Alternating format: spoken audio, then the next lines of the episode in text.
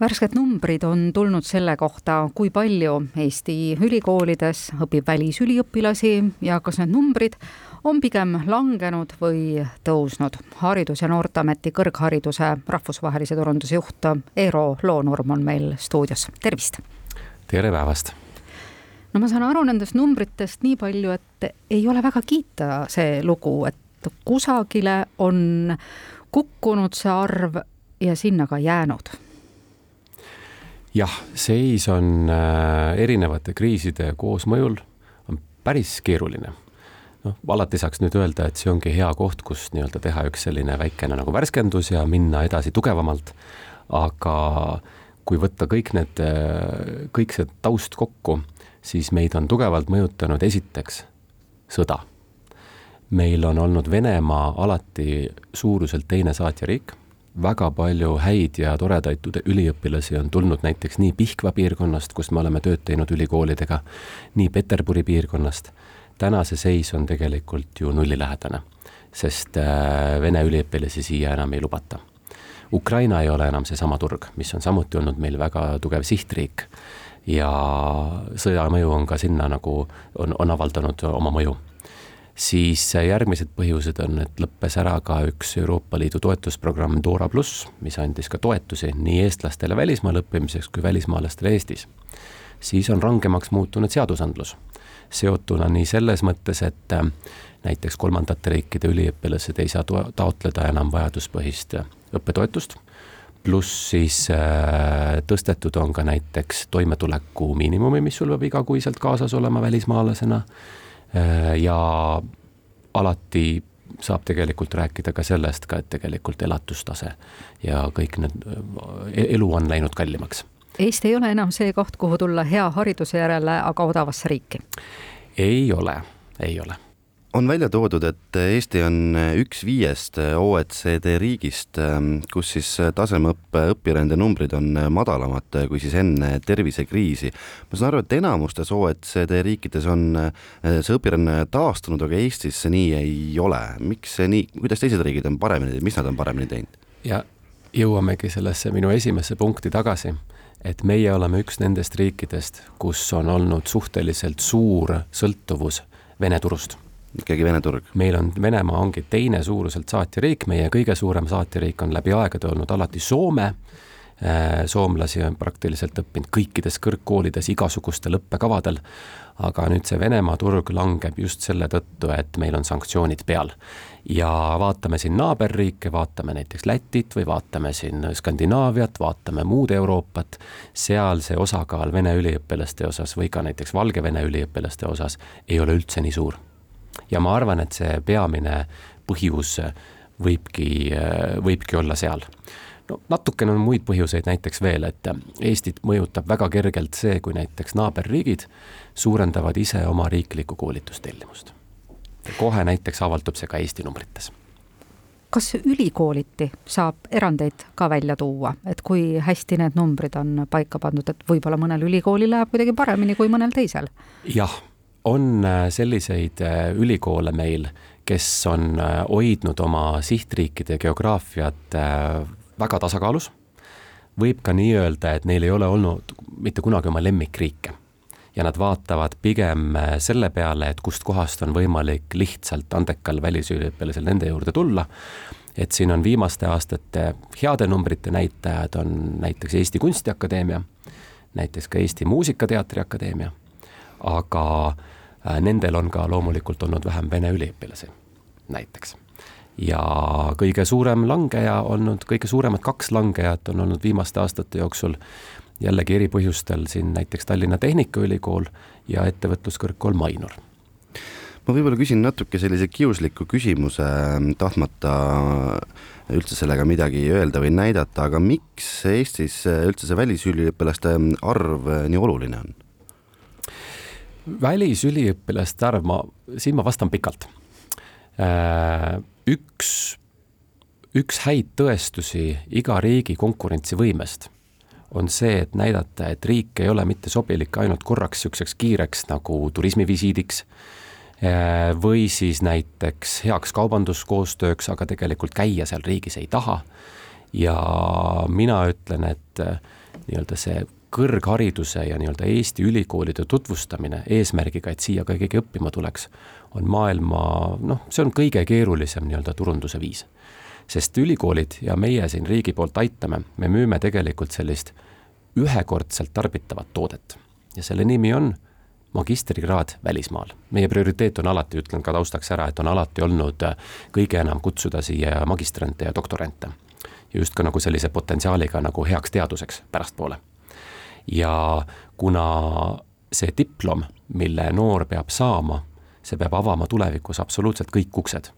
vahet pole, kas ta jääb siia Eestisse tööle või ta läheb koduriiki tagasi või läheb laia maailma vallutama. see diplom peab avama talle tulevikus kõik uksed, mis tähendab, et see otsuse tegemise protsess enne õppima tulekut välismaale on väga pikk. ja nüüd on kõik need mõjutajad sinna juurde, et nii, et kas see õpe on kvaliteetne seal? nii, jah, on kas õpe on nagu mõistliku õppemaksuga? nii on. Äh, kas ähm, tugistruktuurid ülikoolides töötavad hästi? jaa, töötavad. nii, kas mul on võimalik näiteks taskuraha teenida või praktikat juba teha õpingute ajal?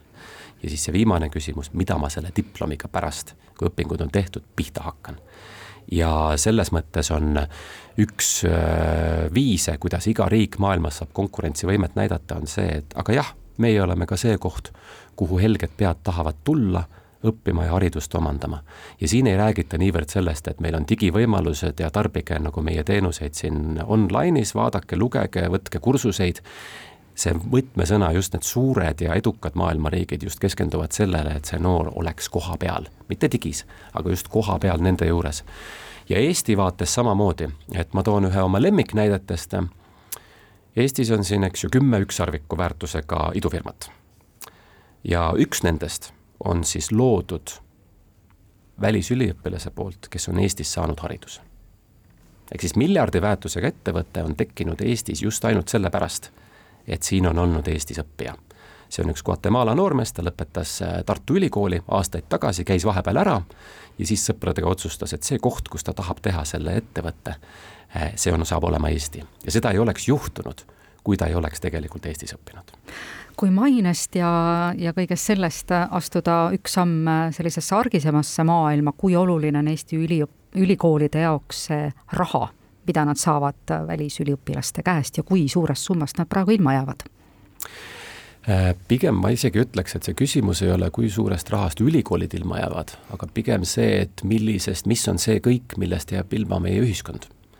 et äh, ülikoolid, jah, ülikoolid saavad välisüliõpilaselt õppemaksu, hea küll ülikoolid saavad ka selle nagu äh, Neil on iga sent arvel. jah, just nimelt, et aga pigem see, pigem see loogika oleks nagu selles, et see välisüliõpilane, kes tuleb, ta ju tarbib siin elamiskulud, eluasemekulud. siin näiteks äh, kavalamad riigid arvutavad ka seda, kui palju näiteks äh, tulevad välisturistid riiki just sellepärast, et nad tulevad külla sellele välisüliõpilasele. Siis on sealjuures kõik need tööjõumaksud et äh, me siin ka koostöös Statistikaametiga alati arvutame, et kui suur mõju on äh, majanduslikult sellel, et välisüliõpilased töötavad õpingute ajal ja ka õpingute järgselt vilistlasena.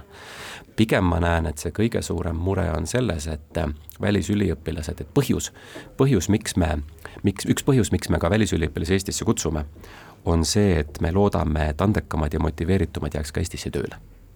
Et jah, meil on hea meel, kui nad lähevad ja avavad uksed igal pool laias maailmas aga need äh, motiveeritumad võiks ju Eestisse tööle jääda. ja pigem ma peaks arvutama, ma ei tea, võib-olla raadiokuulaja äkki näiteks isegi oskab kaasa mõelda, et kuidas arvutada praegu seda kasu, mida nad saavad väga heade spetsialistide olemasolust ja sellest, kuidas see mõjutab nende käekäiku ja nende võib-olla maailma vallutamist. sest väga paljud välisüliõpilased ju on jäänud just tööle Eesti nendesse ettevõtetesse, kellel on selline globaalsem haare.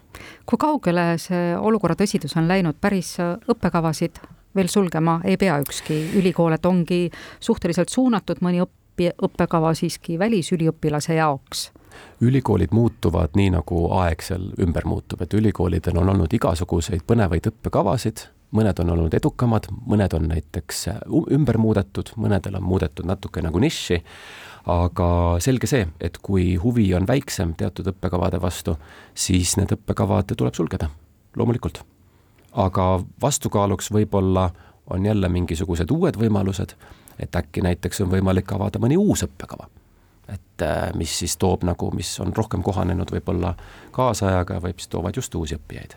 kas sõjahirmu taustal on mõni üliõpilane ka lahkunud poole pealt, tuues põhjuseks seda, et äh, Eesti on võib-olla ärevamas olukorras kui varasemalt? seda on jube raske mõõta. No kindlasti, kindlasti selliseid õppijaid on aga just see suurem mure näiteks on see, et kui ma räägin ülikoolidega, siis nad ütlevad, et kui palju võib olla neid potentsiaalseid õppijaid, kes on jätnud oma sisseastumisavalduse esitamata.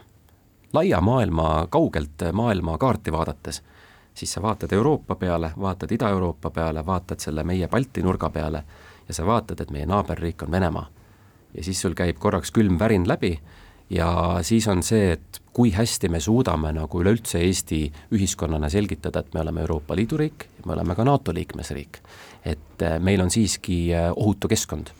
aga kui sa kaugelt vaatad seda pilti, siis sa mõtled ikka murelikult ja kui täpselt kaalu, kaalukauss on täpselt kahe vahel, näiteks mõne Eesti või näiteks mõne Saksamaa ülikooli vahel vaadatakse, et kvaliteet on täpselt sama võib-olla just siis võetakse Saksamaa ülikool. no kohe tuleb see näide meelde, mida väga paljud välispoliitika asjatundjad meile ütlevad, seda Saksamaa näidet, et kui praegust rindejoont vaadata, siis Saksamaale on rinne lähemal kui Eestile, ehk siis Ukrainast rääkides.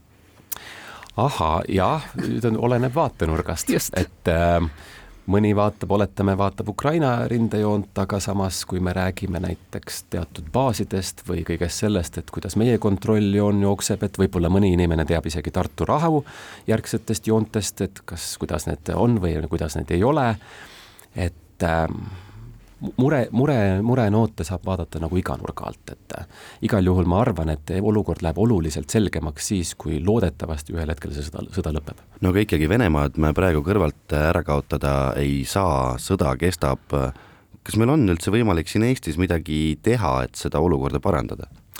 on ikka me praegu täpselt kohaneme kogu selle muutuva ühiskonnaga, muut-, kõik, mis meie ümber on, me ülikoolidega oleme ja ka Haridus- ja Teadusministeeriumiga täpselt vaatamas üle seda uut äh, riikide valikut. millistest riikidest me, milliste riikidele, millistele riikidele me keskendume, kust on meil nagu kõige suurem tõenäosus saada, äh, saada head välisüliõpilased ja, ja millistesse ülikoolidesse, nii et me vaatame selle sihtriikide vaate, vaate üle, äh, selle olukorra nagu üle.